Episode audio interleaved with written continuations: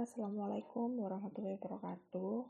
Perkenalkan nama saya Fitri Anugrah Insani dari program studi administrasi rumah sakit semester 1 di Stikes Kepanjen Malang.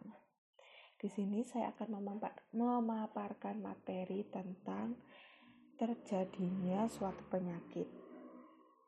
Penyakit adalah kegagalan dari mekanisme adaptasi suatu organisme untuk bereaksi secara tepat terhadap rangsangan atau tekanan sehingga timbul gangguan pada fungsi atau struktur dari organisasi atau sistem tubuh.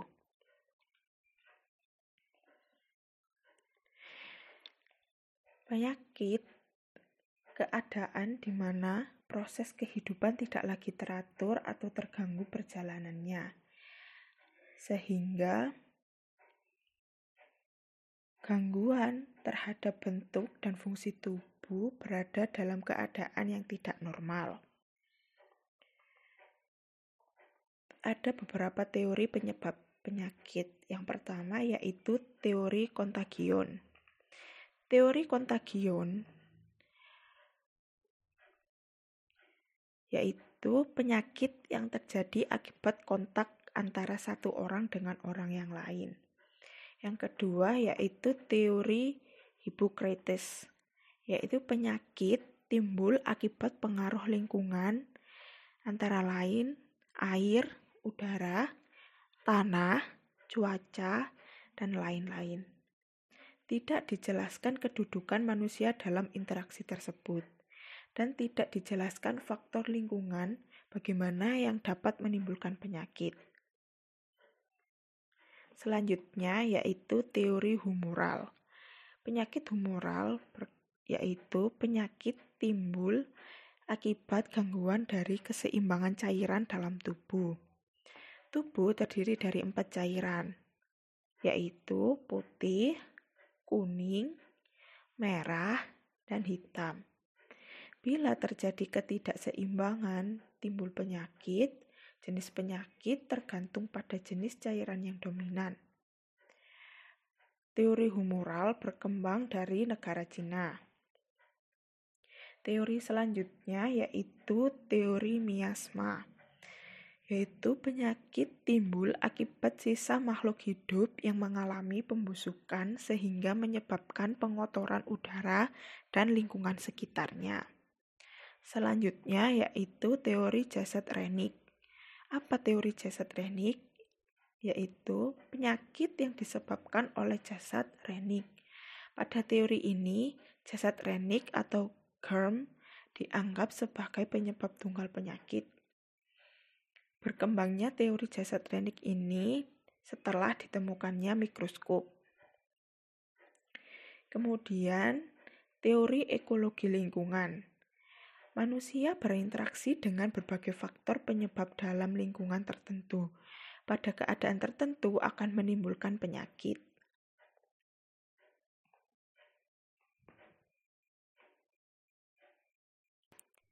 Konsep dasar timbulnya penyakit. Yang pertama yaitu segitiga epidemiologi. Segitiga epidemiologi merupakan komponen perubahan pada salah satu faktor atau komponen yang akan mengubah keseimbangan hubungan ketiga komponen digambarkan sebagai tuas dalam timbangan environment sebagai penumpu.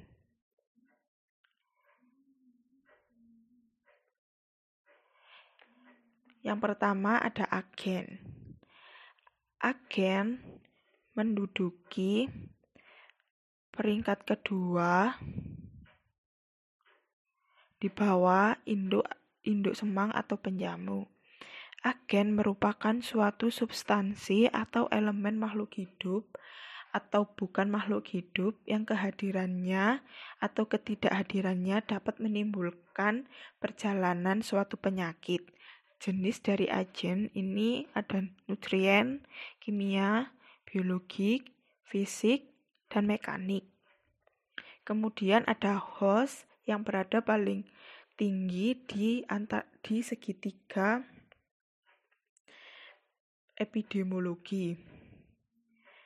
Host merupakan semua faktor yang ada pada diri manusia yang dapat mempengaruhi timbulnya serta perjalanan penyakit. Misalnya, keturunan, umur, jenis kelamin, ras, status perkawinan, pekerjaan, dan kebiasaan hidup. Selanjutnya, agen kimia. Agen kimia ialah zat yang diproduksi oleh tubuh manusia seperti L-tryptophan, sindrom eosinofilia myalgia, ureum, uremia, benda-benda keton atau asidosis. Agen kimia lainnya selain zat yang diproduksi, diproduksi oleh tubuh ialah pestisida, food additive, obat-obatan. Kemudian ada asbes, logam berat seperti merkuri, kadmium, timbal, uranium. Selain itu ada juga minuman keras, bahan-bahan kosmetik, dan obat-obatan alergen.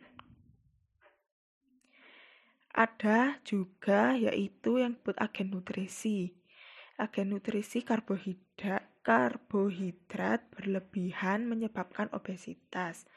Lemak berlebihan juga menyebabkan hiperlipidemia. Protein, kekurangan protein, energi malnutrisi. Selanjutnya yaitu agen mekanik. Melingkupi friksi yang kronik yaitu pemakaian sepatu yang sempit. Kedua, kompresi atau daya mekanik menekan atau memutar dapat menimbulkan carpal tunnel syndrome. Selanjutnya, agen fisika. Terdapat radiasi yang dapat menyebabkan kanker kulit, suhu udara, bila dingin menimbulkan frostbite, panas menimbulkan dehidrasi atau heat stroke, kelembaban yang rendah menyebabkan hiper hiperhidrosis. Selanjutnya, intensitas suara, bising, atau frekuensi tinggi menyebabkan gangguan pendengaran dan vibrasi. Selanjutnya panas. Panas dapat menimbulkan luka bakar bila terang cahaya, e, menyebabkan gangguan daya lihat mata. Selanjutnya yaitu objek meliputi air, makanan, tanah, dan udara.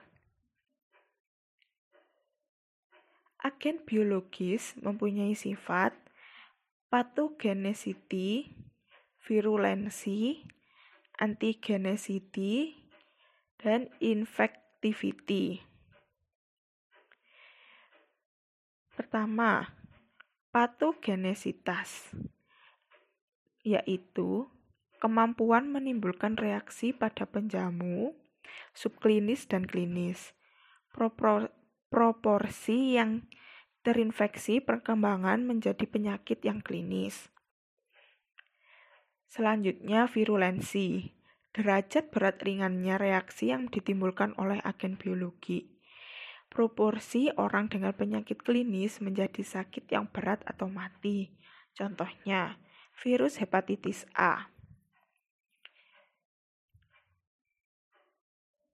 Potogenesitas rendah dan virulensi yang rendah. Campak karena patogenesitas tinggi tetapi virulensi rendah. Rabies, patogenesitas tinggi dan virulensi tinggi. Selanjutnya yaitu antigenesitas, yaitu kemampuan menimbulkan atau menstimulasi mekanisme pertahanan penjamu atau antibodi. Selanjutnya ialah infektivitas, yaitu kemampuan menginfeksi penjamu, proporsi yang terpajang yang menjadi terinfeksi. Sehat dan sakit. Menurut WHO, sehat ialah keadaan kesempurnaan fisik, mental, dan kehidupan sosial, dan bukan berarti hanya bebas dari penyakit atau kelainan atau cacat. Sedangkan sakit yaitu suatu penyeim maaf, sakit yaitu suatu penyimpangan dari status penampilan yang optimal. Keterpaparan dan keterentanan. Sehat maupun sakit mempunyai batas tidak jelas melalui proses yang didahului oleh keterpaparan terhadap suatu unsur tertentu serta host dalam kondisi kerentanan tertentu untuk menjadi sakit. Keterpaparan suatu keadaan di mana host berada pada pengaruh atau berinteraksi dengan unsur penyebab primer maupun sekunder atau dengan unsur lingkungan yang dapat mendorong proses terjadinya suatu penyakit.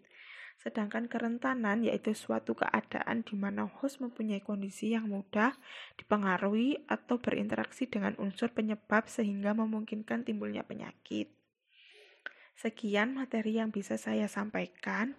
Untuk perhatiannya saya ucapkan terima kasih. Wassalamualaikum warahmatullahi wabarakatuh.